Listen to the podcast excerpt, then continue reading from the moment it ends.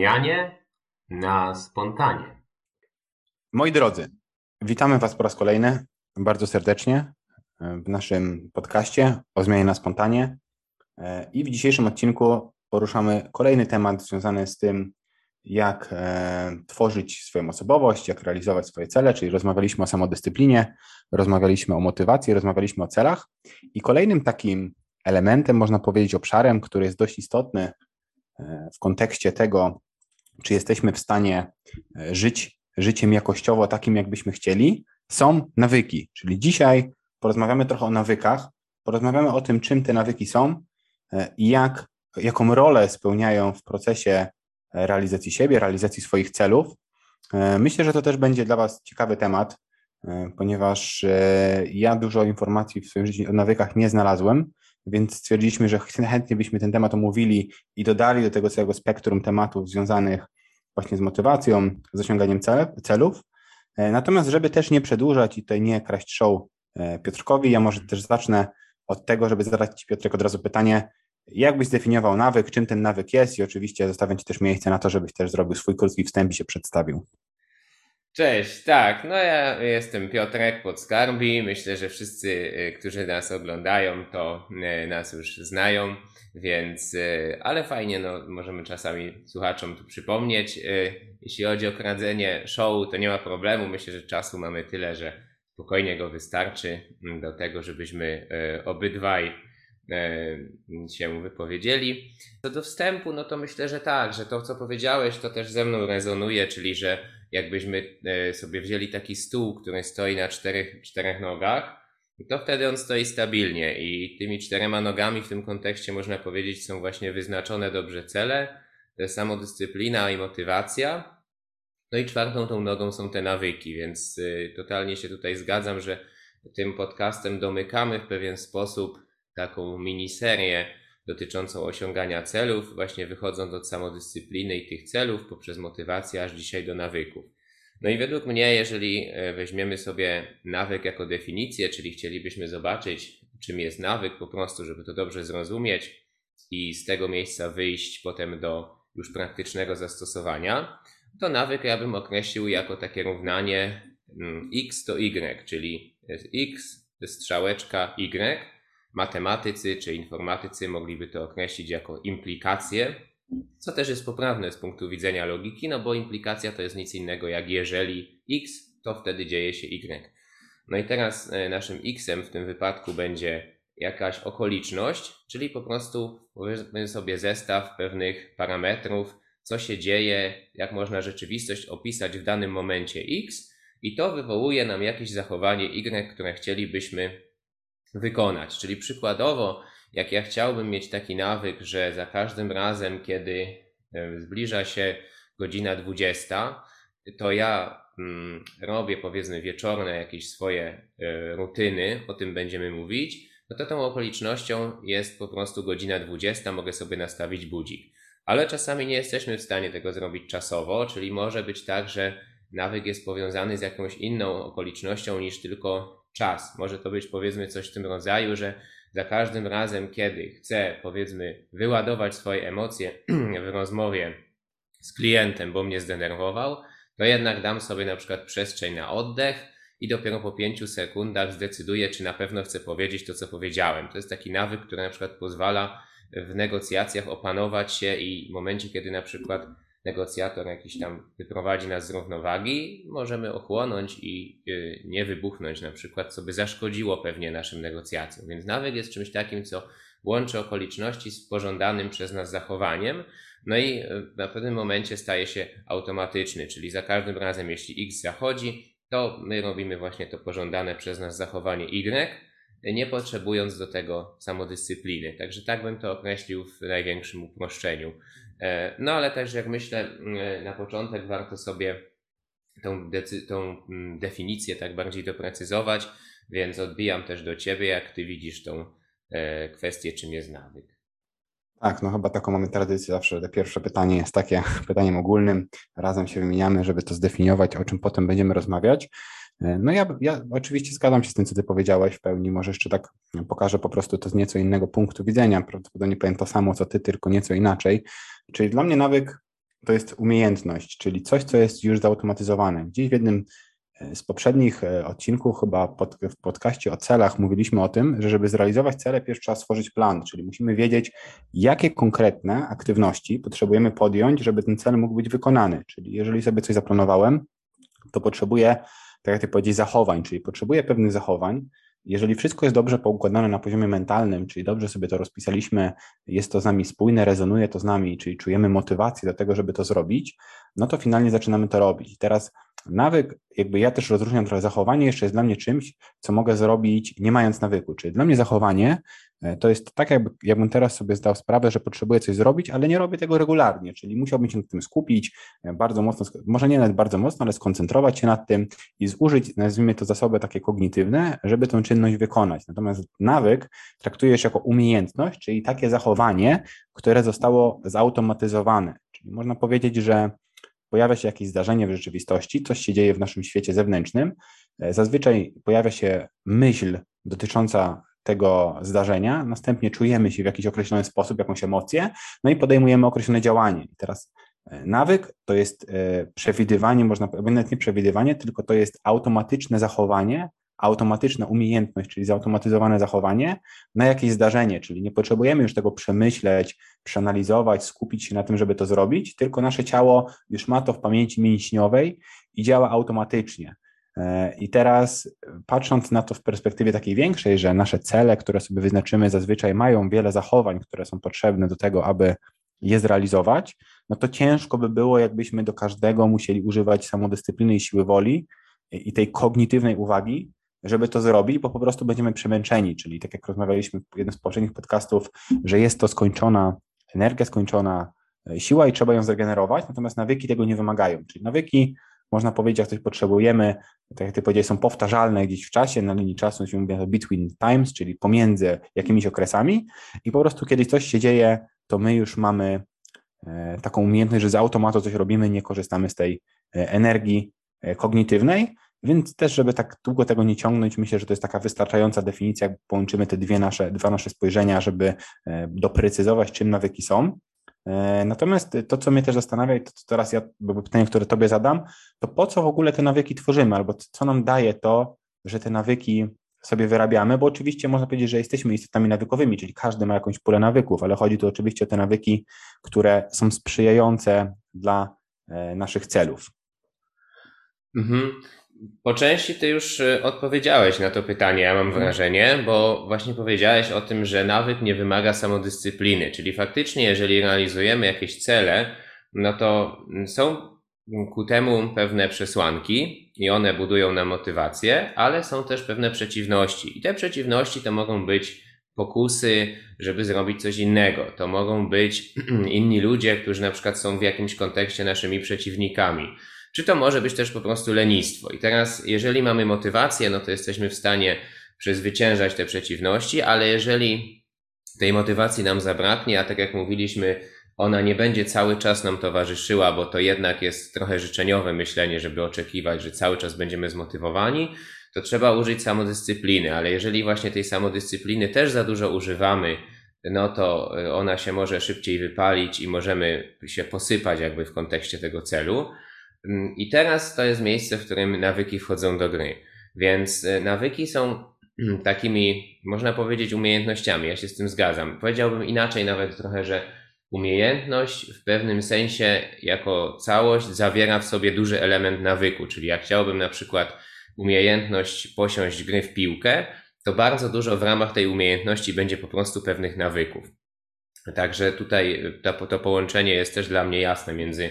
nawykiem, umiejętnością. No i to już samo w sobie też odpowiada na pytanie, no bo jeżeli mamy na celu się uczyć różnych rzeczy, a wiadomo, że najlepsza inwestycja, przynajmniej moja perspektywa jest taka, że najlepsza inwestycja to inwestycja w siebie i w swoje umiejętności, no to skoro umiejętności zawierają w sobie bardzo duży element nawyku, no to jest to po prostu elementem nauki, więc żeby się czegoś dobrze nauczyć na poziomie zastosowania, a nie tylko i wyłącznie zapamiętania czy nawet zrozumienia, to te nawyki będą nam potrzebne. Więc jakby jedna rzecz to jest kwestia oszczędzania samodyscypliny czy siły woli, druga to jest kwestia umiejętności, no jeszcze trzecia to ja bym powiedział, że jest to e, jakby zwiększanie prawdopodobieństwa że my będziemy pewną czynność wykonywali wiele razy w taki sam sposób. Bo jednak jakbyśmy mieli program komputerowy, no to możemy być niemalże pewni, że ten komputer wykona ten program dokładnie w ten sam sposób. Jeżeli tak się nie wydarzy, to będzie to ewidentnie znaczyło, że nastąpiła jakaś awaria. Natomiast e, w przypadku ludzi to nie do końca jest to pewne. Weźmy nawet taki prosty przykład, jak chociażby nagrywanie podcastu. To też można powiedzieć, mamy do tego już pewien nawyk, pewien proces, bo za każdym razem robimy pewne powtarzalne czynności przed tym podcastem. Najpierw e, omawiamy sobie tematy, które e, mamy w ogóle do mm, zaprezentowania. Później w ramach tych tematów spisujemy pytania, które często płyną od ludzi, z którymi my pracujemy, żeby te pytania doprecyzować, o co w nich chodzi. Potem wymieniamy się tym, e, potem tworzymy pewną strukturę, później już to nagrywamy, potem ja to obrabiam, ty tworzysz opisy i tak dalej, więc to jest co pewna procedura. I teraz robimy to zawsze w ten sam sposób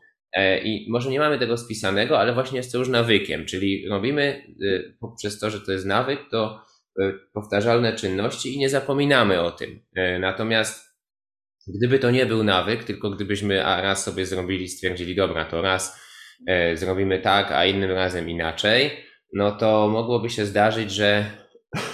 ta jakość by była taka bardzo skokowa, że raz byłoby lepiej, raz gorzej. I oczywiście nie ma niczego złego w testowaniu nowych rzeczy i w optymalizacji, ale jednak jest to kwestia tego, że pewne rzeczy po prostu trzeba wykonać. I według mnie nawyk jest czymś, co pozwala nam właśnie regularnie powtarzać pewne czynności na tym samym albo lepszym poziomie jakościowym, bo tak naprawdę, jeżeli chcemy osiągnąć w czymś wysoki poziom, to to koniec końców się do tego sprowadza. Jak wzięlibyśmy na przykład taki sport jak triatlon, to to można powiedzieć, że trening tego triatlonisty będzie się trochę zmieniał. Czasami będzie więcej jakichś tam jednostek, będzie czy większy wolumen treningowy, czy będzie mniej przerw albo więcej przerw, mogą być jakieś okresy regeneracji, mogą być jakieś e, dodatkowe elementy, ale koniec końców będzie się to sprowadzało właściwie do trzech rzeczy: do biegania, do pływania i do jazdy na rowerze. I de facto to trzeba cały czas powtarzać. I nawyk jest czymś, co pozwala powtarzać czynność tak jak już mówiłem wcześniej, a to de facto nas prowadzi do osiągania celów. I ja bym porównał na koniec tej wypowiedzi właśnie nawyk do takiego dochodu pasywnego. Czyli dochód pasywny to jest coś takiego, że raz wykonamy pracę i cały czas nam to daje profity, w przeciwieństwie do takiego dochodu aktywnego, który ciągle wymaga naszego zaangażowania. Że jak pracujemy na godziny, no to musimy ciągle wykonywać pracę, żeby dostawać pieniądze, a w przypadku pasywnego raz wykonamy i tak można porównać, że jak ktoś pracuje na jakieś zlecenia godzinowo, no to to jest dochód aktywny, a jak na przykład zapracuje, wynajmie mieszkanie i to mieszkanie wynajmuje i dostaje pieniądze, to już jest dochód pasywny. I tak samo nawyk, jak dla mnie, jest takim dochodem pasywnym, czyli jest czymś, co raz wypracujemy i potem na cały czas to już dla nas działa. Więc ja tak bym odpowiedział mm, i myślę, że no to już samo w sobie to jest dosyć e, szerokim spektrum powodów, dla których warto te nawyki tworzyć. E, ale no jak, jak zwykle też e, odbiję do ciebie i zobaczymy jeszcze, co, co, co jeszcze możemy uzyskać dzięki nawykom. Tak, no bardzo fajnie mi się podoba ta, ta metafora z dochodem pasywnym. Ja też tak to widzę, że jednak mm, można powiedzieć, ktoś mi kiedyś to fajne jest takie stwierdzenie, które ja kiedyś usłyszałem, że pierw tworzymy nasze nawyki, a potem nasze nawyki tworzą nas. Bo faktycznie te nawyki już są na takim poziomie e,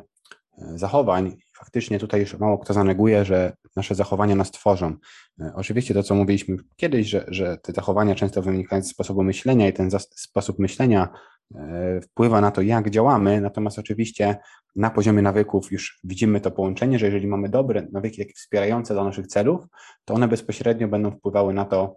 e, jaki, jakie jakościowo mamy życie. I też coś, co ja zauważyłem, to często jak zaplanujemy sobie jakieś większe cele, czyli większe, czyli chodzi mi tutaj o cele takie w dłuższej perspektywie czasu, czyli jak rozumiemy siebie, idziemy swoją ścieżką e, i mamy już zbudowany ten taki core wartości, to jednak większość naszych celów będzie długoterminowych, czyli mamy cele krótkoterminowe, ale te długoterminowe będą przedłużeniem tych celów, które już mamy, więc można powiedzieć, że duża pula e, zachowań, które będziemy w naszym życiu wykonywali, będą to zachowania w czasie powtarzalne, czyli może nie będą to powtarzane ciągle, ale tak jak powiedziałeś, chociażby przykład triatlonu e, czy podcastu, że robimy coś co jakiś okres czasu i dużo z tych rzeczy się powtarza. I to jest właśnie świetny przykład, po co e, budować nawyki, jaki jest cel robienia tego, że dzięki temu jesteśmy w stanie zaoszczędzić bardzo dużo energii e, i takiej energii też do, do, do robienia rzeczy, bo, bo sam zauważyłem po sobie nawet czasem, że jak robię coś nowego, Ostatnio właśnie rozmawiałem też z Tobą, że zacząłem pisać artykuły. Tak robię to pierwszy raz, jeszcze nie mam nawyku zrobionego, jak to robić, to kosztuje mnie to bardzo dużo takiej energii, przez co raz, że wydłuża mi się to w czasie, czyli dużo więcej czasu potrzebuję zainwestować, żeby to zrobić, a dwa, że jestem często już zmęczony potem i, i e, nie jestem w stanie robić innych rzeczy. Natomiast jak będę, jak mam już niektóre czynności zrobione na poziomie nawykowym, to oszczędzam dzięki temu dużo energii, bo raz, że robię to szybciej, bo już wiem, co mam zrobić, I można powiedzieć, że są tam też utarte ścieżki neuronowe, bo ja bym tutaj rozgraniczył też takie nawyki, które potrzebujemy aktywować w bardzo krótkim ułamku czasu, można powiedzieć, a takie, które e, jakby są nieco bardziej rozciągnięte w czasie. Czyli na przykład dla mnie takim nawykiem rozciągniętym w czasie byłoby pójście e, na trening. Teraz może być tak, że skończyłem swoją pracę, nie mam dzisiaj ochoty na to, żeby iść na trening, no i to nie jest coś, co robię z automatu i to nie jest czynność, która zajmuje mi, nie wiem, 5 sekund i potem przechodzę do kolejnej czynności, tylko to się rozciąga w czasie. I samo to, jakbym nie miał zbudowanego nawyku, że chodzę ćwiczyć, to wyobraź sobie, ile bym musiał energii, ile bym miał zwątpienia po drodze wykonywania tej czynności. Czyli mogłoby tak, żebym się jeszcze za pomocą siły woli trochę zmobilizował, żeby się spakować na ten trening, ale zaraz bym stwierdził, że może jest brzydka, brzydka, brzydka pogoda i nie pójdę. Potem może bym doszedł na tą na tą siłownię czy, czy na salę, gdzie ćwiczę. I okazałoby się, że jednak stwierdzę, że dzisiaj to nie jest mój dzień i porobię lekki trening albo połowę ćwiczeń zrezygnuję i, i ich nie wykonam, więc nawet czasem jak jest taki nawyk właśnie tutaj w szerszej perspektywie czasu, to można powiedzieć, że będą momenty, kiedy ta siła woli czasem będzie potrzebna, ale przez to, że powtarzaliśmy to bardzo wiele razy w przeszłości, będziemy w stanie mniej, będziemy może mniej tej siły woli potrzebować i będziemy w stanie E, jak przełamiemy już za pomocą siły woli tą chwilową niechęć, to wrócić na dobre tory, bo te dobre tory już są wypracowane. E, nawet rozmawiałem kiedyś z takim moim przyjacielem, który pływał, jakby zawodowo pływał, chodził do szkoły pływackiej, też mówił, że pływanie jest super, ale jak jestem na wakacjach, odpocząłem i sobie mogę popływać, to kocham to, ale jak mnie trener kazał mi o 6 rano codziennie przez 3 czy 4 tygodnie wstawać rano i wrzucał mnie do basenu przed śniadaniem, no to mówi, to już mi się nie chciało wychodzić, i to jest taki przykład, że często też może być tak, że coś jest nawykiem, ale nie chce ci się tego zrobić, ale on że jak już wpadał do tego basenu, zaczynał pływać, to już o tym zapominał, bo po prostu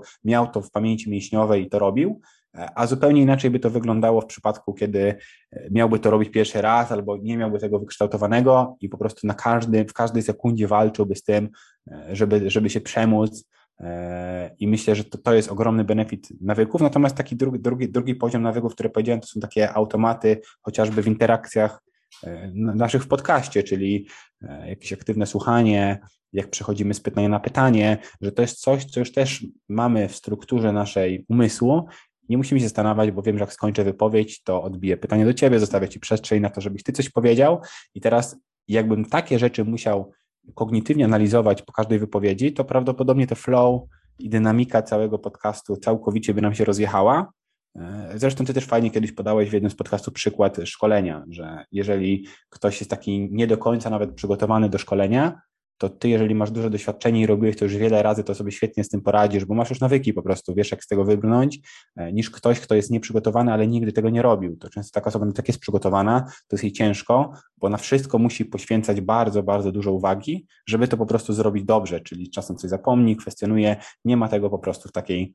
e, pamięci mięśniowej. E, więc myślę, że ten temat, jeżeli chodzi po co te nawyki, jest taki dość oczywisty. Myślę, że też naszych słuchaczy może być dość oczywisty i, i, dużo też powiedzieliśmy w tym temacie. Natomiast teraz może przejdźmy do tego, jak te nawyki kształtować. Czyli załóżmy, że już wiemy, jakie mamy cele, co chcemy zrobić, no i jakie byś zrobił pierwsze takie czynności, pierwsze kroki, żeby sobie te nawyki wyrobić. Na początku bym dokładnie zdefiniował, jakie nawyki w ogóle chcę mieć, bo Często słyszymy w środowisku chociażby rozwojowym, że dobre nawyki to jest jakiś tam poranny rytuał, czy to jest zimny prysznic, czy to jest zielony smoothie, czy co tam jeszcze. I okej, okay, to ma sens wszystko, natomiast um, zacząłbym od tego trochę tak jak z celem czy z motywacją, czyli od tego, po co mi w ogóle ten nawyk jest. jak e, chciałbym powiedzmy zbudować nawyki wokół diety, to fajnie, żeby to było też połączone z celem, który za tym stoi, czyli na przykład chcę być zdrowy, albo chcę być szczupły, albo chcę być e, na przykład na wysokich poziomach, na wysokich obrotach, jeśli chodzi o umysł, czyli mam jakąś zoptymalizowaną dietę pod mózg i tak dalej, e, żeby to było po prostu jasne, po co to robię, bo tak jak mówiliśmy, nawyk nie wymaga siły woli, ale to dopiero wtedy, kiedy już on jest ukształtowany, czyli jak już mamy zautomatyzowane pewne zachowanie, no to ono nie będzie wymagać siły woli. Natomiast jak to dopiero robimy, jak dopiero budujemy ten nawyk, no to ta siła woli jest potrzebna i dlatego musimy wiedzieć, po co to robimy, żeby albo była właśnie motywacja taka naturalna, albo w momencie, kiedy tej motywacji nam braknie, to żebyśmy byli w stanie sięgnąć do tego rezerwuaru siły woli, przypomnieć sobie po co to robimy i się łatwiej wtedy przemóc. Także zacząłbym od tego znowu, dlaczego to robię. Potem określiłbym dokładnie te okoliczności, czyli co ma wywoływać to, że ten nawyk robię. Czyli powiedzmy, jeśli chciałbym, y, trzymając się tego przykładu z dietą, przygotowywać sobie posiłki na cały dzień, powiedzmy rano, no to żeby było to dobrze określone, co to znaczy rano. Czyli czy to rano dla mnie to jest określona godzina, czy rano dla mnie to jest, że zaraz po przebudzeniu zaczynam to robić, czy może rano to jest dla mnie powiedzmy, e, kiedy mm, dajmy na to, zrobię już jakieś wcześniejsze czynności, które powiedzmy wchodzą powiedzmy w ten poranny rytuał. Więc tutaj jest pierwsza rzecz, czyli określenie powodu, druga rzecz określenie już samego tego zachowania. I trochę można to porównać do motywacji, natomiast jest to o tyle szczególna motywacja, że jest to motywacja właśnie do budowania tego nawyku, czyli do, do pewnej czynności. Ta akcja to jest pewna czynność, która będzie wielokrotnie powtarzana. Czyli to byłby drugi ten element, tak? Czyli określenie y, powodu pierwszy, drugi określenie czynności i okoliczności, które ją wywołują. No i później już jest śledzenie, czyli tutaj warto sobie zrobić taką, jak ja to nazywam, metryczkę, czyli po prostu mieć sobie kalendarz albo w Excelu gdzieś to zaznaczać, czy w danym dniu ten nawyk wykonałem, bo jeżeli nie wykonuję tego nawyku, albo raz zrobię, raz nie zrobię, no to to jest bez sensu wtedy, tak? Bo nie, będzie, nie będą się tworzyły te ścieżki neuronowe, o których ty mówisz, czyli właśnie y, umysł nie będzie, mm, nie będzie jak gdyby na poziomie już takim neurologicznym e, otaczał tych obwodów neuronalnych coraz większą osłonką mielinową, bo tak to na poziomie mhm. neuronalnym wygląda, że jeżeli mamy pewne ścieżki neuronowe, no to one są lepiej zsynchronizowane, są szybsze, jeżeli mają grubszą otoczkę e, tak zwanej mieliny. To jest taka substancja z, e, z tłuszczowych bodajże, jak dobrze pamiętam, i ona powoduje właśnie, że te ścieżki są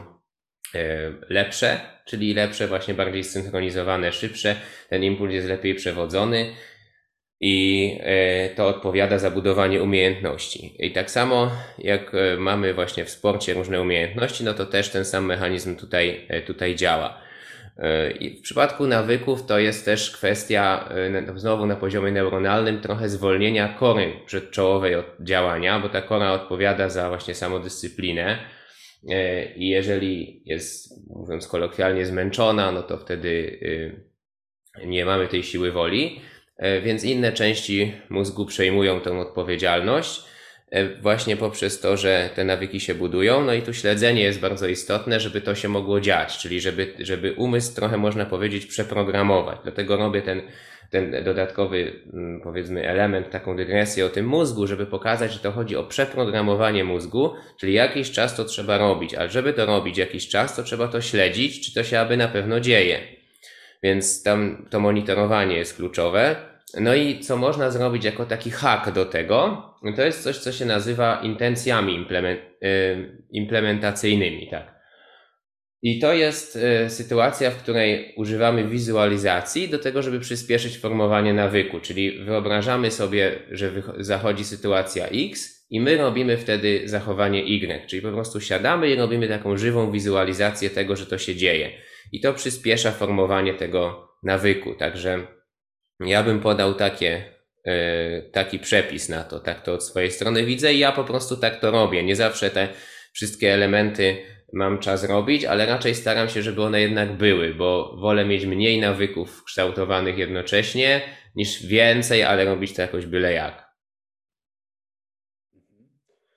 No ja mi się bardzo podobało też to i w pewnie zgadzam, żeby zacząć od po co, czyli albo dlaczego, czyli naszego why takiego, czyli zaczynamy od tego, dlaczego w ogóle chcemy dany nawyk stworzyć i teraz też tutaj skorzystam z żeby odesłać osoby, które nie słuchały do tego naszego podcastu o celach, bo tam dużo o tym mówimy, więc ja zawsze mówię, że pierwszym etapem, jeżeli chcemy sobie stworzyć nawyki, to jest zaplanowanie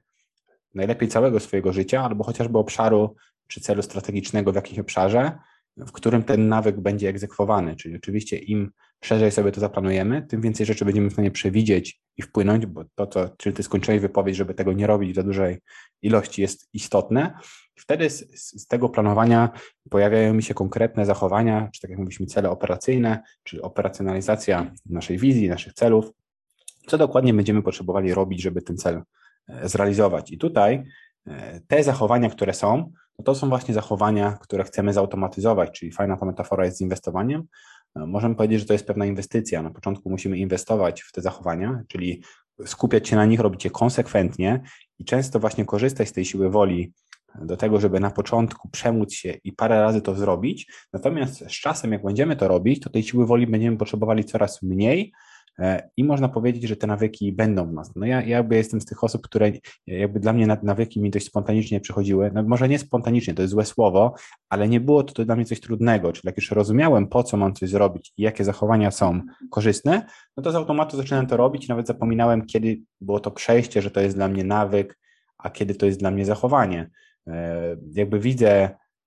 też kilka innych takich trudności w tym, ale myślę, że do tego pytania też dojdziemy, żeby teraz już wszystkiego nie mówić. Więc dla mnie kształtowanie nawyku to jest właśnie skoncentrowanie się na tym, co chcę zrobić, dokładne sobie rozpisanie, jaka to jest czynność i powtarzalne robienie tej czynności przez jakiś okres czasu. Nie chcę też rzucać tutaj liczbami, bo wiem, że są szkoły, które mówią, że nawyk się wyrabia po 21 dniach. Spotkałem inną szkołę i badania, bodajże to były badania z Oxfordu, które mówią, że nawyk się wyrabia po 67 dniach. Spotkałem też inne, które mówią, że po 40 kilku, więc nie chcę rzucać liczbami i uważam, że to jest bardzo względne. Jest tutaj też kilka takich um, czynników, które będą wpływać na to, czy to jest szybko, czy nie. Po pierwsze to, czy ten nawyk jest bardzo z nami spójny i często, czy, czy już mieliśmy inne nawyki pomocnicze, które e, kształtowały ten nawyk, czyli na przykład jeżeli chcemy jeść określonego typu jedzenie, a do tej pory już gotowaliśmy, tylko gotowaliśmy inne jedzenie, to zmiana, nazwijmy to, e, swojego menu i tego, co jemy, będzie dużo łatwiejsza niż ktoś, kto nigdy nie gotował, miał na przykład nawyk do tej pory, że on wszystko zamawia na mieście i teraz chciałby nie dość, że samodzielnie gotować, to jeszcze określone posiłki, jeszcze on nigdy nie gotował, to po prostu wdrażanie takiego nawyku e, może być trudniejsze, wręcz na pewno będzie trudniejsze niż coś, gdzie już mamy te nawyki pomocnicze, więc e, nie chcę po prostu mówić e, ile te, to, to czasu zajmie, ale na pewno jest to pewna powtarzalna ścieżka i ja tak jakby intuicyjnie dostrzegam to po sobie, że coś na początku muszę się zmobilizować trochę, że chcę coś zrobić, zaplanować sobie to, a po pewnym czasie już nawet o tym nie myślę, tylko e, tak jak chociażby poranne czy tam wieczorne rytuały, czy nagrywanie podcastów, robimy to dość automatycznie, nie muszę dużo o tym myśleć e, i szybko się, e, szybko się to dzieje, szybko to robię. Więc tyle myślę, jeżeli chodzi o kształtowanie nawyków. Natomiast teraz też temat, bo można powiedzieć, że zawsze jakieś nawyki mamy, czyli tak jak mówiliśmy o motywacji, że nie da się nie być zmotywowanym, tylko często jesteśmy zmotywowani nie do tego, co jakaś nasza świadoma albo ta rozwojowa część osobowości by chciała, bo inne części mają swoje cele i są do nich w pełni zmotywowane, tak samo będzie z nawykami, czyli można powiedzieć, że każdy ma jakąś pulę nawyków, tylko nie, nie, dla wszystkich te nawyki są korzystne, a szczególnie w tym procesie zmiany, no bo jak rozmawiamy w podcaście o zmianie, to jednak zmiana to jest nadanie nowego kierunku, więc można powiedzieć, że te nawyki, które były do tej pory, od tego momentu, jak patrzymy na swoją zmianę i transformację, nie będą już dla nas dalej korzystne, więc pytanie, jak się jak się uczyć nowych nawyków, ale w kontekście, albo inaczej, jak się pozbywać tych nawyków, które są z nami, a nie, nie będą już nam dalej służyć. Co byś zrobił w takim przypadku? Mhm. Odwołałbym się do sportu na pewno na początek, bo kojarzy mi się, jak jeszcze robiłem ten produkt właśnie z rozwojowca o szybkim doskonaleniu umiejętności, to tam była taka w jednej książce metafora, nawet nie metafora, bo to po prostu tak y, trener robił. Tam był trener tenisa, który zauważył, że jego podopieczny ma taki zły nawyk odbijania dwoma rękami, kiedy jest to niepotrzebne. W sensie trzymał rakietę oburącz, a czasami w tenisie no to jest powiedzmy dobre zachowanie, ma to jakiś tam sens. Ja nie znam się za bardzo na tym, w tenisa mało grałem, ale patrząc na jakieś tam mecze, to kojarzy mi się, że nawet coś tam zawodnicy klasowi to czasami robią, ale tu widocznie chodziło o to, że ktoś to po prostu robił niepotrzebnie, czyli zbyt często jakby dokładał tą drugą rękę. No i trener mu wymyślił takie ćwiczenie, że musiał grać trzymając w drugiej ręce piłkę tenisową, czyli po prostu chodziło o to, żeby nie miał możliwości fizycznie tej rakiety przełożyć do drugiej ręki, czy też e, dołożyć drugiej ręki po prostu do e, rakiety, bo jakby tam była piłka i mu to przeszkadzało. I tutaj kojarzy mi się, że w takim praktycznym ujęciu można by zastosować właśnie takie bloki, czyli ta piłka pełniła taką rolę, że nie dało się sensownie uchwycić rakiety przez to, że ona była. No i to był taki blok. I tak samo, jeżeli na przykład mamy nawyk w postaci, e,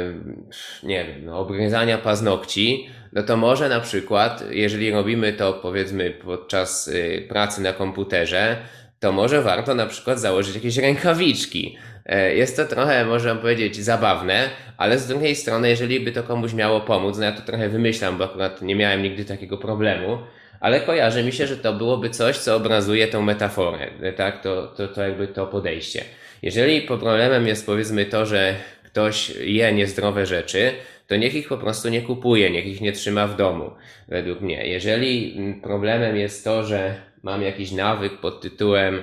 że wstaję w nocy, jeżeli się obudzę i zaczynam gmerać na telefonie, to może warto po prostu ten telefon na noc wyłączyć. Jeżeli problemem jest to, że w pracy się odrywam i zaczynam szukać czegoś na YouTubie, a nie po to, żeby pracować, tylko po to, żeby się rozerwać, to może warto zainstalować apkę, takie są darmowe różne aplikacje, które blokują po prostu strony. Czyli to są wszelkiego rodzaju sposoby na to, żeby zablokować drogę, żeby to już nie było takie łatwe, żeby umysł musiał dostać taki sygnał, aha, nie zrobisz tego bezwiednie, musisz świadomie zdecydować, czy chcesz to zrobić. I oczywiście dalej można to zrobić wtedy świadomie, ale już nie jest to takie łatwe, bo te na, niekorzystne nawyki też są nawykami zgodnie z tą definicją, czyli też są nieświadome, też są automatyczne. No i rozwiązaniem problemu jest to jakby rozautomatyzowanie tego, czyli żeby to nie było już takie ciach ciach, tylko żeby musieć zauważyć, że to się dzieje, a nie po prostu okoliczność ja od razu robię. I to, co, mm, co może być też przydatne w tym kontekście, to według mnie jest medytacja, bo medytacja, tak jak ty wspomniałeś na początku e, o takim ciągu, że jest taki ciąg, że jest pewne, pewna okoliczność, ona generuje myśl, to się gdzieś tam zapętla też z emocją i na końcu jest zachowanie to teraz jak medytujemy, to pozwalamy sobie rozszerzać jakby ten ciąg przyczynowo-skutkowy, czyli mamy więcej czasu od impulsu do pierwszej myśli. Mamy więcej czasu między kolejnymi myślami a kolejnymi emocjami. Mamy więcej czasu ostatecznie między tymi mm, emocjami a zachowaniem. I tak jak kiedyś Frankl to nawet powiedział, że właśnie między tym impulsem a działaniem jest y, wolność. I teraz, jeżeli medytujemy, no to jakby rozszerzamy sobie tą wolność, bo mamy więcej tam przestrzeni między impulsem a działaniem. No Frank to troszkę chyba inaczej ujął, ale taki był sens tego, e, że, że jakby ta świadomość, która się pojawia między pewną okolicznością a odpowiedzią naszą na nią, to jest jakby wolność właśnie. No i medytacja pozwala nam tą wolność osiągnąć, a wolność jest też między innymi tym, że jesteśmy niezależni od złych nawyków, czyli jesteśmy w stanie nad nimi zapanować. Także ja to widzę właśnie w taki sposób. Także nie wystarczy tutaj zauważyć, że ten nawyk jest zły. Tutaj raczej trzeba bardziej procesowo według mnie podejść. Mhm. Znaczy ja myślę, że zauważenie nawyku to jest taki pierwszy etap, że jak zauważam, że ciężko zmienić coś, czego nie widzimy, więc to jest to, co mówiliśmy trochę o sticking pointach i blind, spot, blind spotach, czyli taki niezauważony nawyk to jest taki ślepy punkt, że ktoś coś robi, nawet nie wie. Zawsze bym powiedział, że w przypadku nawyków zauważenie go jest pierwszym etapem, natomiast no tak jak ty zgadzam się w pełni z tobą, że to nie wystarcza i nawyki często są tak silne i tak wiele razy były powtarzane, no że nie wystarczy go zauważyć, tylko trzeba jeszcze mieć jakąś strategię, jak ten nawyk zmieniać. I na pewno medytacja, tak, jak najbardziej się zgadzam, bo właśnie medytacja robi te przerwy, czyli twój, nasz umysł mm, po medytacji, czyli jeżeli praktykujemy tą medytację lub mamy właśnie nawyk, to kolejny nawyk, który jest jeden z mm. dobrych nawyków, czyli nawyk medytacji jakiś czasowo, to y, pojawia się ta przerwa, czyli tak jak mówiliśmy, że nawyki to jest automatyzowanie, czyli często ktoś, kto ma nawyk, ja sam tak miałem, jak miałem nawyki, nie wiedziałem, jakie myśli mi się pojawiają w stosunku do danego zdarzenia, tylko już wykonałem zachowanie i nawet jak się orientowałem, że zrobiłem jakiś nawyk, to już było to po fakcie, kiedy już się tak zachowałem, czyli po czasie medytacji zauważam, że więcej rzeczy mam tak, że zauważam, jakie myśli mi się pojawiają w stosunku do danego tematu i jestem w stanie wtedy popracować, czy to na przekonaniach, e, czy to zatrzymać te myśli i zmienić je w jakiś sposób, a nie manifestuje się to pod postacią zachowania. I w podcaście bodajże o samodyscyplinie właśnie mówiliśmy to, co też ty dzisiaj wspomniałeś, że jeżeli to jest taka utarta ścieżka neuronowa, to warto świadomie z tej części, bardziej świadomie, jeżeli rozumiemy, że ciężko będzie się oprzeć, czyli to można powiedzieć, że to jest taki trochę nurt rzeki, że jak wpadamy do, do nurtu rzeki, no to chcąc, nie chcąc, ta rzeka rwie do przodu i będzie naprawdę prawie, że niemożliwe, żeby jej oporować, E, i dużo nas to będzie kosztowało energii, więc e, fajne jest to, co ty powiedziałeś, żeby tak świadomie postawić sobie taką przeszkodę na tej ścieżce. Tam chyba podawaliśmy przykład, że jeżeli ktoś ma nawyk jedzenia słodyczy kompulsyjnie albo w ogóle jedzenia słodycza nie chce tego robić, to żeby ich nie trzymać w domu, też to dzisiaj wspomniałeś, no bo to jest taki prosty przykład, że teraz jeżeli chciałbyś powtórzyć ścieżkę, że idziesz po czekoladę do kuchni i ją jesz, no to okazuje się, że musisz teraz też wyjść do sklepu, ubrać buty, czasem jest pogoda taka, jaka jest, nie chce ci się tego zrobić, no i twój umysł zacznie kalkulować, czy faktycznie aż tak bardzo chce mi się jeść dzisiaj tą czekoladę, żebym e, podjął taki wysiłek, żeby teraz się zbierać specjalnie do sklepu, żeby to kupić. I to jest oczywiście jedna z recept na to, jak to zrobić. Druga fajna też, którą ja słyszałem i to akurat jest z jednego szkolenia NLP, gdzie to było podane, czyli ten prosty mechanizm, że mózg człowieka bardzo mocno łączy ból i przyjemność, czyli jako ludzie na pewnym poziomie dążymy zawsze do przyjemności, a uciekamy od bólu, E, nie będę tego też rozbijać, bo są jakby od tego trochę wyjątki, ale, ale załóżmy, że, że to jest taki uniwersalny schemat dla większości ludzi, który będzie działał. I tam oni uczyli tego, że jeżeli ktoś miał szczególnie jakieś nawyki myślowe, czy to o pieniądzach, czy to w innych kontekstach życia, to za każdym razem, jeden, jeden, jeden, jedno ćwiczenie jednego trenera widziałem, że za każdym razem, kiedy coś takiego zrobi, to wrzuca sobie małe takie miałe kamyczki, on, on im dał w ćwiczeniu i, i mieli sobie w ciągu dnia do ośmiu kamyczków wrzucać do buta. Czyli przez pewien czas, jak szli, to ich ta, ta, ta, noga bolała po prostu, przypominając im o tym, że ten nawyk jest zły i wtedy jakby przekotwiczali, mówiąc takim językiem e, NLP-skim, ten nawyk. Nie, nie do końca to ze mną rezonowało, to jakby nie była metoda, która mega im pasowała, bo, bo e, może dlatego, że nie miałem takich strasznie uciążliwych nawyków, które, które wtedy chciałem zmieniać, albo po prostu ta metoda do mnie nie dotarła. Natomiast to było po prostu na poziomie mechaniki tego, mechaniki działało to po prostu w taki sposób, że jeżeli coś pojawiło się, czego nie chcemy, to ten kamień na poziomie fizycznym przypominał nam o tym, że jest to dla nas niedobre, bo odczuwamy jakiś ból e, fizyczny i przez to umysł kojarzył tamto zachowanie, tamtą ścieżkę z czymś niedobrym, przez co zaczynał tworzyć nową ścieżkę. A na takim e, jakby inny przykład, inna ewolucja tego ćwiczenia, która już bardziej do mnie dotarła, to jest zakładanie sobie na rękę gumki recepturki. I z jednej strony, kiedy coś zrobimy jakiś nawyk, nam się odpali, którego nie chcemy, to strzelać sobie lekko z tej gumki, żeby też poczuć lekki ból, ale już taki akceptowalny, nazwijmy to, żeby nie robić sobie krzywdy, e, a z drugiej strony po drugiej części dłoni można sobie tak przyjemnie pocierać, czyli odczuwamy przyjemność i za każdym razem, kiedy zrobimy coś dobrego, co chcemy wdrażać, to dawać sobie taką cielesną przyjemność, przez co nasz mózg będzie kojarzyć to zachowanie z czymś przyjemnym, a to, które chcemy zmienić e, z czymś nieprzyjemnym. I to było taka to, to była jakby trochę też taka ewolucja tego ćwiczenia z kamieniami, bo tam to faktycznie mogło być już takie, że, że ktoś mógłby siebie e, zranić. Mhm, tak, w ogóle śmieszna sprawa, bo właśnie jem sobie kawałek czekolady, ale akurat nie mam takiego jakiegoś nawyku, żeby się jakoś specjalnie, czy celu, żeby się jakoś specjalnie przed tym powstrzymywać. Um, ale ta gumka recepturka, to kojarzy mi się właśnie, że też mamy takiego kolegę, który no powiedzmy zajmuje się trochę uwodzeniem czy uczeniem tych relacji damsko-męskich. No i właśnie on też mówił, że on tak robił, że jak widział jakąś fajną dziewczynę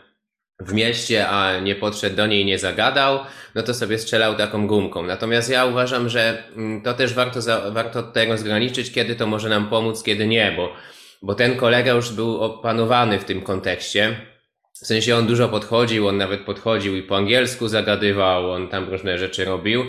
miał już w tym pewną praktykę i nie bał się tego jakoś panicznie, więc dla niego to była kwestia bardziej czasami jakiegoś lenistwa, bardziej czasami tego, że nie wiem, nie przyszło mu nic do głowy, co mógłby powiedzieć, ale nie bał się panicznie tego, że na przykład może zostać odrzucony, bo wiele razy już to mu się wydarzyło i jakby to olewał, więc to miało dla niego sens, bo to, co go powstrzymywało, to było powiedzmy dosyć delikatne, ale nie polecałbym na przykład tej metody komuś, kto czuje paniczny lęk przed takimi podejściami albo na przykład przed jakimkolwiek zagadywaniem obcych ludzi y, i wtedy się w ten sposób karać, no bo to trochę jest to, co mówiliśmy wcześniej przy hmm, samodyscyplinie czy przy motywacji, że ta negatywna motywacja, bo to jest trochę taka negatywna motywacja, to ona jest wtedy dobra, jeżeli my mamy konkretne zachowanie, które może być dobre w tym kontekście, i to zachowanie jesteśmy stosunkowo prosto w stanie wykonać. Oczywiście jest potrzebna jakaś delikatna doza samodyscypliny, ale nie jakieś mm, heroiczne przełamanie się. I oczywiście heroiczne to jest tylko i wyłącznie w głowie, no bo to nie jest wielka rzecz zagadać do obcej osoby, ale jeżeli ktoś to tak postrzega, to dla niego to będzie wielka rzecz. I wtedy taka metoda może nie działać, może wręcz prowadzić do jakiejś frustracji. No bo jednak ta przepaść jest za duża, ale do takich rzeczy, gdzie tam jest jakiś delikatny dyskomfort, to tak, to według mnie takie coś może, może działać. I, I ja akurat też osobiście takiego czegoś nie stosuję, ale wydaje mi się, że to może być też dobra metoda. Natomiast y, przeszedłbym trochę dalej i zapytał Ciebie jeszcze o to, jakie w szczególności nawyki warto stworzyć, bo tutaj mówiliśmy trochę o sporcie, mówiliśmy trochę o diecie, e, mówiliśmy gdzieś tam pośrednio o inwestowaniu, a też z drugiej strony ten nasz podcast jest taki dosyć szeroki, czyli mówimy o różnych sferach życia, więc jakie nawyki w tych różnych sferach życia po prostu warto Twoim zdaniem stworzyć, jakie może Ty masz i które Ci dobrze służą? No myślę, że odpowiedź na to pytanie powiedziałbym, że to zależy, bo wszystko bym y, przefiltrował jednak przez to, jakie ktoś ma własne personalne cele. Oczywiście tu postaram się wyciągnąć takie nawyki uniwersalne, czyli można powiedzieć, że jak ktoś zajmuje się rozwojem albo świadomym tworzeniem swojego życia, no to niektóre nawyki będziemy mieć powtarzalne i ciężko, żeby ktoś miał wszystkie nawyki odwrotnie, no bo to by na przykład było, jakbyśmy wzięli kogoś, kto jest pracowity, a kogoś, kto jest leniwy, to faktycznie tam dużo nawyków może być opozycyjnych, a w przypadku takiego osiągania własnych celów będą takie nawyki, które prawdopodobnie większość ludzi będzie mogła wziąć i im pomogą, niezależnie od tego, jakie mają cele. Na pewno też jeszcze trochę może nawiążę do tego, co ty powiedziałeś a propos tego kontekstu socjalnego i tych, tych, tej gumki, że ja tak w pełni się z tym zgadzam, co ty powiedziałeś, bo znaczy uważam, że właśnie w przypadku nawyków musimy widzieć, z jakiego miejsca w nas to wychodzi, czyli często jakby jak znam nawet osoby, które nie, nie zajmują się rozwojem, nie do końca rozumieją o co w tym chodzi, to dużo osób chciałoby bardzo to uprościć, czyli na przykład mają cel, który nie jest ich i chciałoby na ten cel stworzyć sobie nawyk, że go robią. No i teraz to, co mówiliśmy o konfliktach wewnętrznych, jeżeli będzie duże tarcie, a ktoś sobie jeszcze wmówi, że musi zrobić nawyk, żeby walczyć z tym tarciem i ciągle cisnąć, to może się to skończyć czymś bardzo negatywnym, nawet jakąś poważną chorobą, bo będzie po prostu dużo stresu i będzie robić coś wbrew sobie, to tylko takie jeszcze kwitując. Natomiast takich nawyków, które ja uważam, że są E, uniwersalnie dobre, to są na pewno nawyki związane chociażby z, z rutyn, z jakimiś takimi pracą, chociażby w blokach czasu, czyli poranny rytuał, można powiedzieć, jest pewnym nawykiem dla mnie, czyli wstaję i staram się mieć czystą głowę i zanim odczytam pierwszego maila, zanim zobaczę, co się dzieje, nazwijmy w tym wirtualnym świecie, to wykonuję trochę medytacji, czy różne takie rytuały poranne, których celem jest to, żeby nastawiły mój umysł na dobry dzień, czyli żeby się nastroić energetycznie, uspokoić i zacząć ten dzień z takim spokojem, bo wtedy nawet jeżeli dostanę jakąś informację, która jest dla mnie w mojej percepcji negatywna, to będę w stanie właśnie mieć jeszcze ten spokojny umysł i, i, nie, i na nią zareagować, czyli mówiąc idealnie w kontekście nawyków, żeby nie odpalać takiej spirali nawykowej, która potem powoduje, że w połowie dnia jesteśmy całkowicie rozproszeni, robimy tysiąc rzeczy naraz i nie możemy się skupić, to to jest dla mnie pierwszy nawyk. Na pewno mam dużo nawyków też związanych z jedzeniem, które się objawiają tym, że po prostu kupuję określone produkty, które sam oceniłem według moich kryteriów, że są dla mnie witalne, zdrowe i mi pomagają po prostu, czyli dobrze się po nich czuję, e, ładują energią mój organizm i są dla mnie zdrowe, więc to jest też dla mnie jeden z nawyków i żeby regularnie po prostu jeść te posiłki. Wiem, że miałem długo taki nawyk, do tej pory go stosuję, że nie piję na przykład wody do, do posiłku, bo, bo wiem, że ktoś mi kiedyś powiedział, że enzymy trawienne po jakimś czasie się rozkładają ten posiłek i dobrze jest się napić chwilę przed posiłkiem, ale nie już w trakcie, więc to chociażby był taki mój nawyk, który robiłem. E, na pewno też wszystkie nawyki związane ze sportem, czyli że po takim dniu ja mam na przykład teraz jogę, czyli po, po, po, końcu dnia robię praktykę jogi, żeby się można powiedzieć emocjonalnie wyczyścić. Dla mnie taki prysznic emocjonalny i żeby go zrobić. Czyli wszystkie nawyki takie związane z higieną e, umysłową, z higieną mentalną, E, z higieną umysłową, myślę, że są dobre. E, też różnego rodzaju praca w blokach czasowych, czyli to, co mówiliśmy o, tej, o tym, że skaczemy, czyli jak jesteśmy w pracy, ktoś się skupia ciągle na tym, jak będzie odpoczywał, jak ma odpoczywać, to nie może się skupić na odpoczywaniu, bo ma myśli związane z tym, że nie do końca zrobił pracę i musi ją wykonać, więc też fajnie podzielić sobie, zauważyć swoje takie najlepsze okresy, kiedy najlepiej jesteś najbardziej produktywny, najlepiej ci się pracuje, i wyrobi sobie nawyk, że to jest czas pracy. I w tym czasie skupiasz się w pełni na pracy, robisz zadania, ale przez to też wdrożyć nawyk czasu na odpoczynek, czyli jak już jest czas na odpoczynek, to mieć nawyk, że w pełni jesteś obecny i robisz to, co sprawia Ci przyjemność, to, co Cię regeneruje w jakiś sposób e, i żeby na przykład nie skakać, czyli można powiedzieć, żeby sobie to poukładać, e, mieć nawet nawyk planowania też, jakby analizowania, rozkładania pewnych rzeczy. No jakby tych nawyków jest bardzo, bardzo dużo, nie chcę też tutaj robić takiego jakby wymieniania jednego za drugim, bo myślę, że za długo czasu by to nam zajęło i też nie będzie to jakaś mega, mega wartość. Bardziej chcę im pokazać to, że jeżeli mamy pewne cele, e, to te cele będą determinowały bardzo mocno, jakie nawyki potrzebujemy i które takie nawyki będą kluczowe i będą nam ustawiały to, czy ten cel finalnie zostanie zrealizowany. I takie nawyki właśnie bym e, wprowadzał. Natomiast oczywiście to samo pytanie do Ciebie, bo mamy różne, różne jakby aktywności codziennie, więc jestem ciekawy również Twoich nawyków i, jak, co Ty uważasz w swoim życiu za ważne. Mhm. Na pewno takim istotnym nawykiem, zwłaszcza teraz, kiedy mamy do czynienia z dużą inflacją i ta inflacja niestety z tego, co y, wszyscy mówią, którzy się na tym znają, raczej się nie zatrzyma, a wręcz przeciwnie, będzie dalej się E, napędzać, no to mamy po prostu wyższe ceny w sklepach. No i teraz e, oczywiście, jeżeli ktoś e, ma na przykład, nie wiem, rodzinę do wyżywienia, czy ma jakieś tam gospodarstwo i tak dalej, no to oczywiście może mieć tutaj dużo większe problemy. Ja nie chcę tego oceniać, bo to są jakby trudne sytuacje. Natomiast zauważyłem, że część ludzi wcale nie ma tak naprawdę takiej trudnej sytuacji i trochę wpędza się w, tą, w ten problem sam, samemu, czyli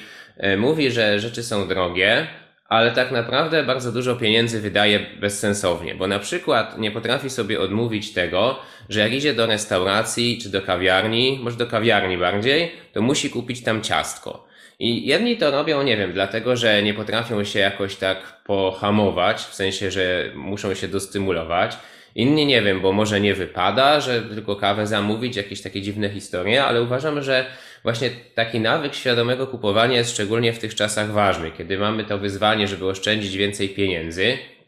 no to yy, świadome kupowanie będzie tutaj kluczowe i zastanowienie się tak naprawdę nad tym, jakie jest yy, moje,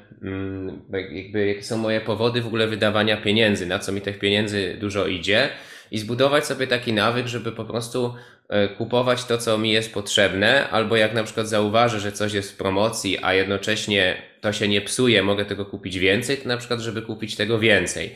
Mm, ale przede wszystkim e, nawyk takiego, mm, powiedziałbym, że też to jest nawyk. U mnie to jest to w zasadzie, powiedziałbym, nawyk, żeby kupować to, co mi jest potrzebne na dany moment, a nie kupować pod wpływem chwili. Czyli jeśli gdzieś idę na kawę, to tam kupuję kawę, nie kupuję jeszcze do tego ciastka. Jeżeli idę na zakupy, to mam listę zakupów i ewentualnie ją modyfikuję wtedy, jak zauważę, że albo coś jest w promocji, albo czegoś zapomniałem dopisać na listę, ale nie idę tam na zasadzie takiej, że zobaczę, wow, ale super jakaś tam rzecz, teraz mam na to ochotę. Na przykład dobrym nawykiem jest też nie chodzić na zakupy głodnym, bo też były badania, które udowodniły, że wtedy więcej kupujemy. Więc y, świadome kupowanie uważam jest, jest dobrym nawykiem i oczywiście to można rozbić jako więcej takich już bardziej konkretnych nawyków, które można sobie śledzić osobno, ale to jako całość rzuciłbym do jednego worka, ponieważ to jest według mnie trochę takim problemem naszych czasów, gdzie bardziej musimy zwracać uwagę na to, jaki jest ten nasz y, cash flow. Mm, no i na pewno ważne są te rytuały. Nie lubię słowa rytuał, szczerze mówiąc, w tym kontekście, chociaż sam go używam, bo tak y, mi się gdzieś to już y, utkwiło. Mi też taki nawyk mi się trochę z tego zrobił, że używam słowa rytuał, a tak naprawdę bardziej chodzi mi o proces bo rytuał to kojarzy mi się z czymś takim, że jest tam jakaś otoczka, która ma podkreślić, że to jest ważne emocjonalnie, czyli na przykład ślub jest rytuałem. Jakieś e, ceremonie szamańskie to są rytuały, bo one mają jakieś tam dużo różnych rzeczy, których normalnie by nie było, których nie mają żadnej funkcjonalnej, powiedzmy, sensu, sensu funkcjonalnego, tak? Na przykład, nie wiem, walenie w jakiś bęben może daje jakieś tam wibracje specjalne, ale często to jest na zasadzie takiej, żeby podkreślić ważność tego. Sypanie ryżem, rzucanie w kogoś też nie ma funkcjonalnej wartości, tylko jest to pewien e, zwyczaj, który się robi, żeby podkreślić, że to jest ważne, bo nigdy się tego nie robi, więc to podkreśla, że to jest ważne i to jest rytuał. Natomiast dla mnie proces jest to po prostu coś takiego, co zawiera ciąg czynności, które są zautomatyzowane, czyli tak jak nawyk mamy, że x to y, to proces według mnie to jest x prowadzi do x1, który prowadzi do x2, do x3 i aż do jakiegoś tam n, czyli mamy tutaj wiele elementów. No i proces dla mnie to jest właśnie ten proces wieczorny, proces poranny czy, czy rutynka, gdzie właśnie ja zaczynam od tego, że wstaję, robię zimny prysznic, potem robię e, medytację, potem czytam swoje cele i potem przygotowuję posiłki na cały dzień. To jest rytuał czy rutyna poranna. Wieczorna to z kolei jest e, zaplanowanie kolejnego dnia, tam są też suplementy, tam jest powiedzmy takie drobne sprzątanie.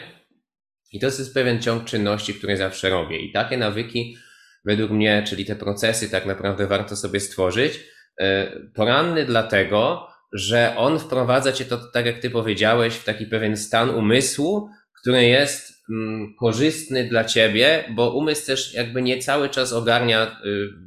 całą rzeczywistość, tak jakby, czyli my na przykład możemy mieć pewną misję życiową i komuś może się wydawać, o ja mam misję życiową, to ja już cały czas o tym pamiętam. A nie, nasz umysł jest dzisiaj bombardowany emocjami zewsząd, informacjami również i nawet jak mamy silny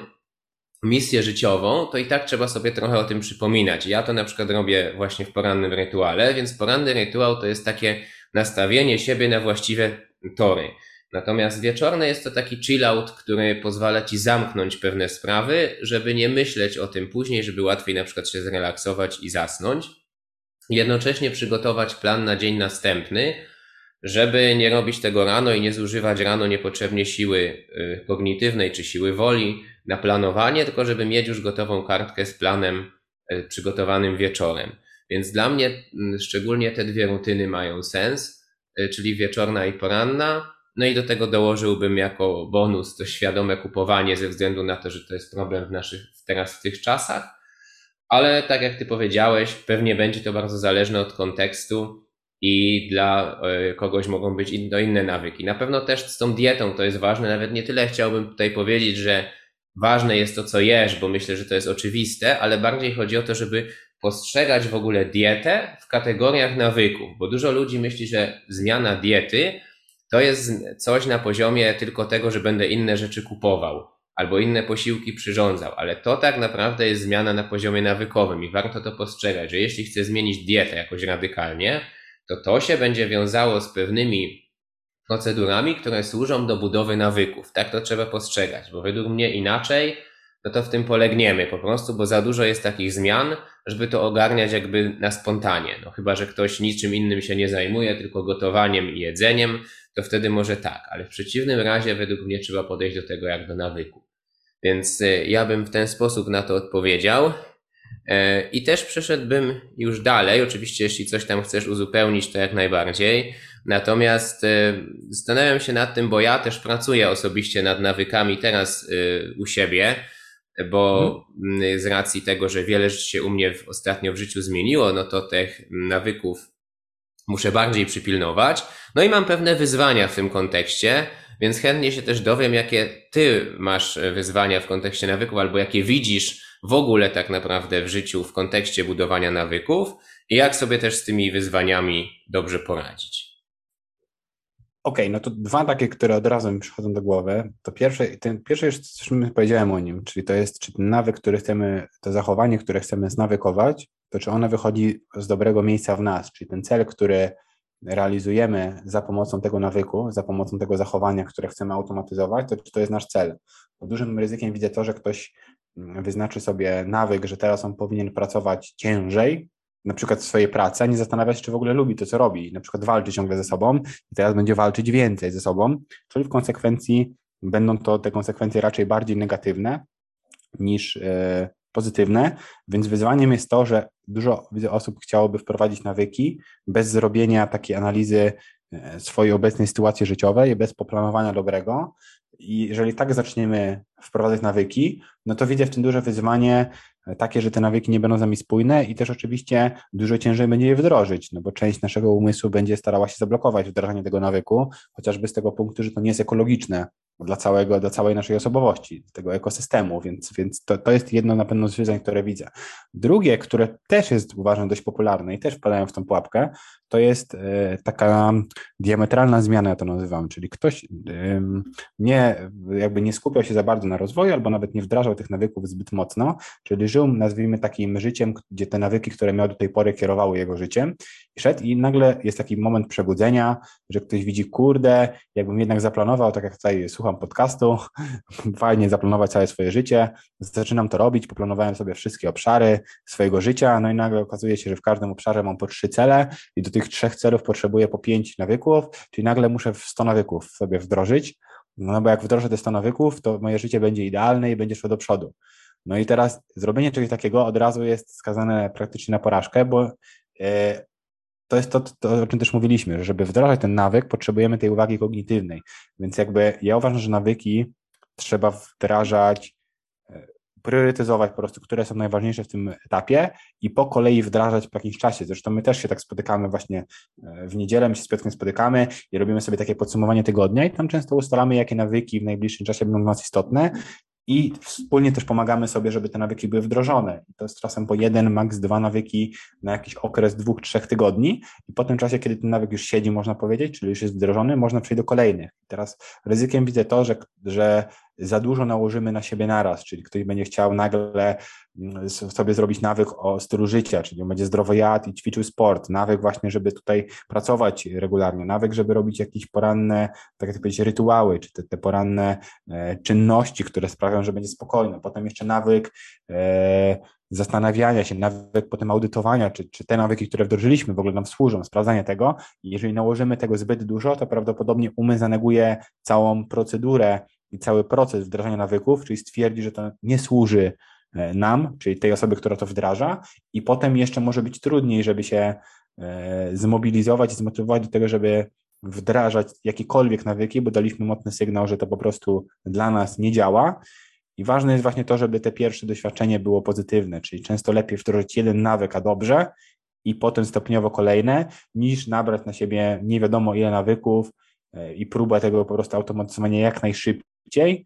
bo ten balans oczywiście jest i w nas. Nie, jestem w stanie powiedzieć każdemu, co ile on może, bo to jest właśnie taka bardziej praca indywidualna i na pracy indywidualnej możemy zrobić pewną analizę tego, jak to wyglądało do tej pory, zaraz kilka pomocniczych pytań i ocenić. No to jest podobnie trochę jak z treningiem na siłowni. Też przychodzi trener, jest w stanie oszacować, jaki jest startowy poziom, od czego możemy zacząć i jakie to obciążenie powinno być dobre dla danej jednostki. Więc tutaj myślę, że, że z takich wyzwań to są takie pierwsze dwa, które mi przyszły do głowy e, i, i o, których chciałem, o których chciałem powiedzieć.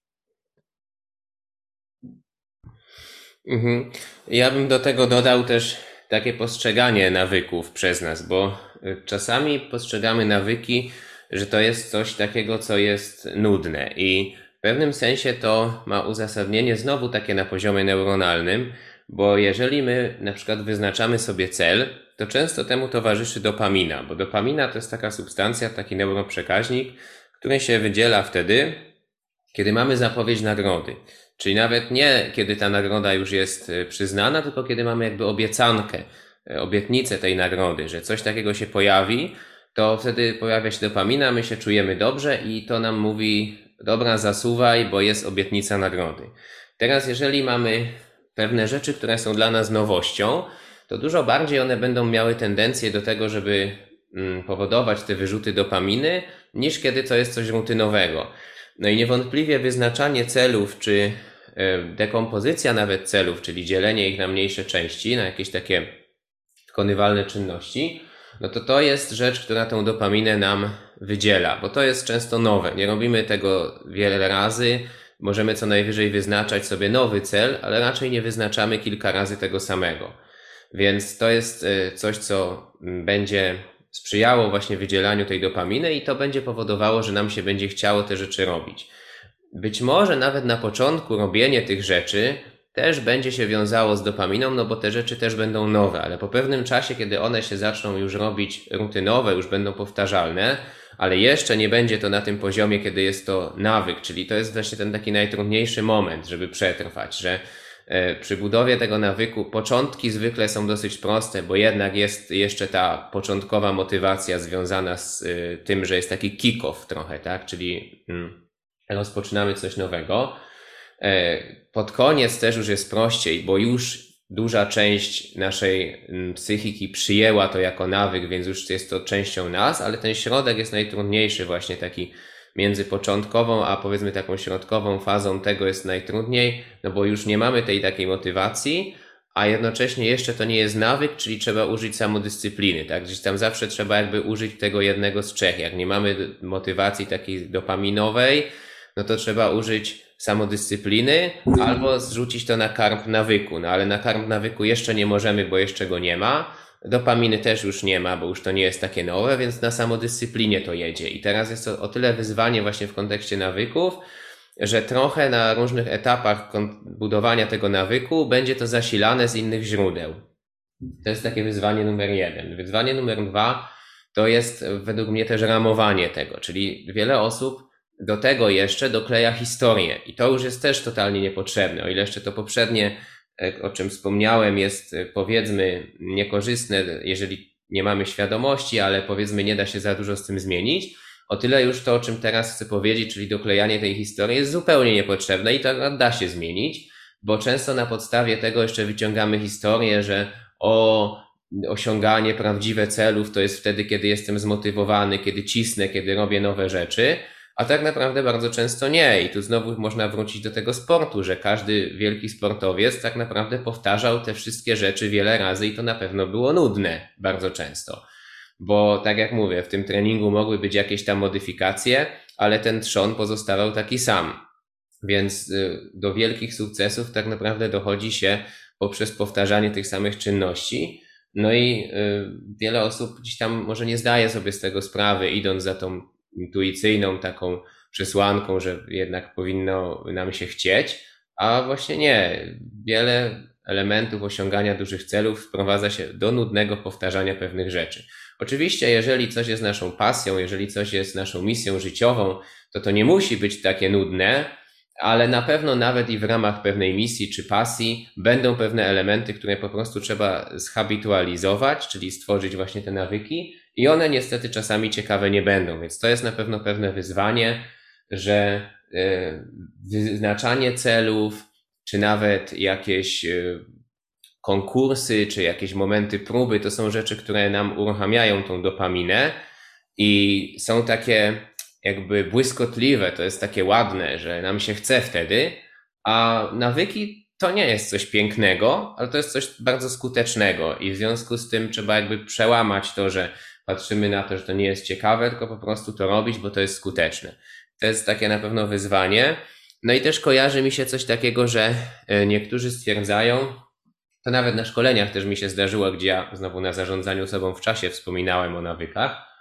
to niektórzy stwierdzali, że oni nie chcą budować nawyków, ponieważ to zabije ich spontaniczność. I to też uważam jest nieprawda, dlatego że spontaniczność według mnie to jest coś takiego, co wypływa z poświęcenia pełnej uwagi jakiejś czynności. Jeżeli coś robisz byle jak, jeżeli coś robisz y, tak na pół gwizdka, no to tak naprawdę trudno będzie tam mieć spontaniczność. Oczywiście może się da, tak, ale jeżeli robimy coś z pełną obecnością, to według mnie stamtąd może wypływać spontaniczność, bo jakby zasoby kognitywne są zwolnione i mogą,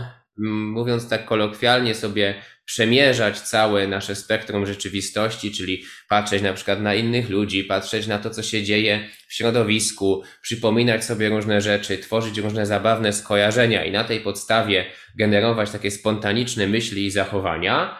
E, I do tego jest potrzebne to, żeby te zasoby kognitywne były właśnie zwolnione, czyli żeby one sobie mogły gdzieś tam luźno biegać. A jeżeli nie ma nawyków odpowiednich, to te zasoby kognitywne nasz umysł będzie alokował tak, żeby nam zapewnić przetrwanie. I teraz, y, jeżeli nie mamy dobrych nawyków, na przykład dietowych, sportowych, czy związanych z na przykład biznesem, czy z pracą, to umysł będzie chciał nas zabezpieczyć, żebyśmy jakieś głupoty nie zrobili, czyli nie zapomnieli na przykład zapłacić podatku, albo nie zapomnieli czegoś zjeść, albo nie zapomnieli czegoś ważnego dowieść w pracy. No i będzie nam to cały czas wrzucał, więc będzie zaśmiecał nam tą przestrzeń kognitywną. No i nie będzie tam miejsca na spontaniczność, więc według mnie to nie tylko, że nawyk nie zabija spontaniczności, ale on tą spontaniczność facylituje, czyli nam ułatwia po prostu, bo, bo to nie chodzi o to, że y, ty masz być spontaniczny, jak robisz trening, albo masz być spontaniczny, jak jesz czy przygotowujesz obiad. Bo to według mnie nie są jakieś tam czynności, w których ta spontaniczność daje specjalnie dużą wartość, tylko te rzeczy trzeba zautomatyzować,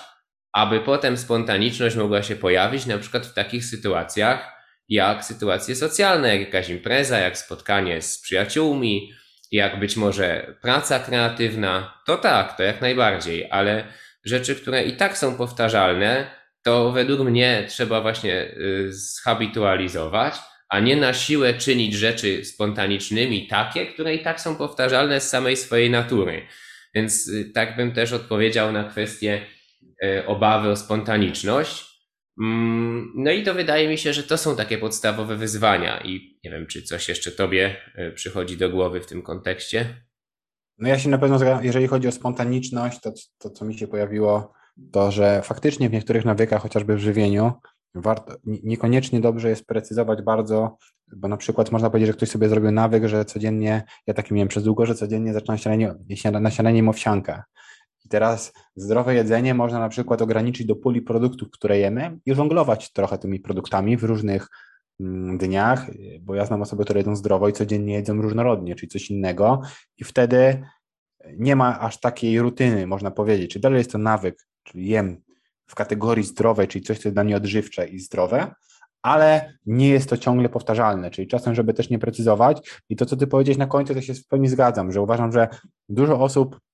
ma trochę myli niektóre pojęcia, lub można powiedzieć, że osobowość chciałaby sobie przypisać, że jest na przykład spontaniczna, że jest wolna, a nie do końca rozumieją głęboki sens tego. I to, co ty powiedziałeś, to mi się tak właśnie kojarzy, czy to jest spontaniczne, czy to jest chaotyczne, bo dla mnie jak ktoś każdą czynność życiową by robił w jego mniemaniu spontanicznie, to zazwyczaj jest to strasznie chaotyczne, czyli nie ma tam całkowicie porządku, dużo rzeczy jest niepoukładanych i robi się to po prostu tak ad hoc, e, może teraz zrobię to i ktoś sobie to tłumaczy, żeby nie powiedzieć, że robi to chaotycznie i że to jest niepoukładane, mówi sobie, że robi to spontanicznie, bo spontanicznie jednak trochę lepiej e, dla osobowości brzmi, czy jest ok. Ja w pełni się zgadzam, że jeżeli nawyki, czyli rozumiemy swoje cele i tam to automatyzujemy, no to zostaje nam ta duża przestrzeń, że robimy to szybciej, mniej nas to kosztuje energii i tą energię właśnie możemy w innych kontekstach życia przekuć na spontaniczność lub to, co mówiłem, żeby sobie podzielić okres pracy i okres rozrywki. Wtedy w okresie pracy robimy na nawykach, a potem mamy nawyk tego, że w, okresie, w czasie dla rozrywki jesteśmy w pełni spontaniczni e, i poświęcamy się temu, co lubimy i nie mamy tam żadnych e, ram jak chcemy to robić. Po prostu słuchamy na przykład siebie, whatever. Nie będę tutaj bardzo wchodzić. No i, i też a propos tego pierwszej rzeczy, którą powiedziałeś, że, że może być to wypalenie, no to ja właśnie dalej bym sprowadził się do tego, żeby dobrze zaplanować, bo ta motywacja, co mówiliśmy, że motywacja pozwala zacząć, a podsumowując, że nawyk pozwala utrzymać i kończyć, więc jak sobie dobrze poplanujemy ce cele i mamy dużo tej bazowej motywacji, że chcemy to robić, no to wykorzystywać tą motywację do tego, żeby utrwalać E, i żeby budować te nawyki, e, dzięki którym potem już nawet bez tej motywacji będziemy w stanie coś wykonać. Mm, myślę, że ode mnie to tyle. Dość dużo, szczerze mówiąc, trochę nam czasu zleciało. Nie spodziewałem się, że ten temat będzie aż tak długi. Fajnie. E, więc ja ze swojej strony, jeżeli chodzi o nawyki, nie ma do dodania nic. Jedyne, co mogę powiedzieć, to dziękuję wszystkim, którzy słuchają. Dziękuję Tobie, Piotrek, za kolejną fajną rozmowę i zachęcamy również do tego, żeby przesyłać nam feedback, jeżeli, jeżeli uważacie, że jest coś jeszcze fajnego, co moglibyśmy poprawić, albo widzicie coś, co mogłoby Wam pomóc, jeżeli będziemy zbierać takie informacje, e, to na podstawie tego oczywiście też będziemy w stanie udoskonalić nasz podcast i dać jeszcze większą wartość. E, myślę, że tyle. Pięknego dnia wszystkim i do usłyszenia w kolejnym odcinku ode mnie. Dzięki bardzo. Ja też bym dodał jeszcze, że dziękujemy też Wam za feedback, który nam dajecie i za propozycje i za mm, jakieś też miłe słowa takiej pochwały i motywacji, e, które już w tej chwili dostajemy, bo też już to się dzieje, także e, to też jest dla nas e, fajne, jest to dla nas miłe, jest to dla nas motywujące. Także fajnie, dzięki Wam bardzo i tak jak już Paweł wspomniał, do usłyszenia, do następnego. Cześć.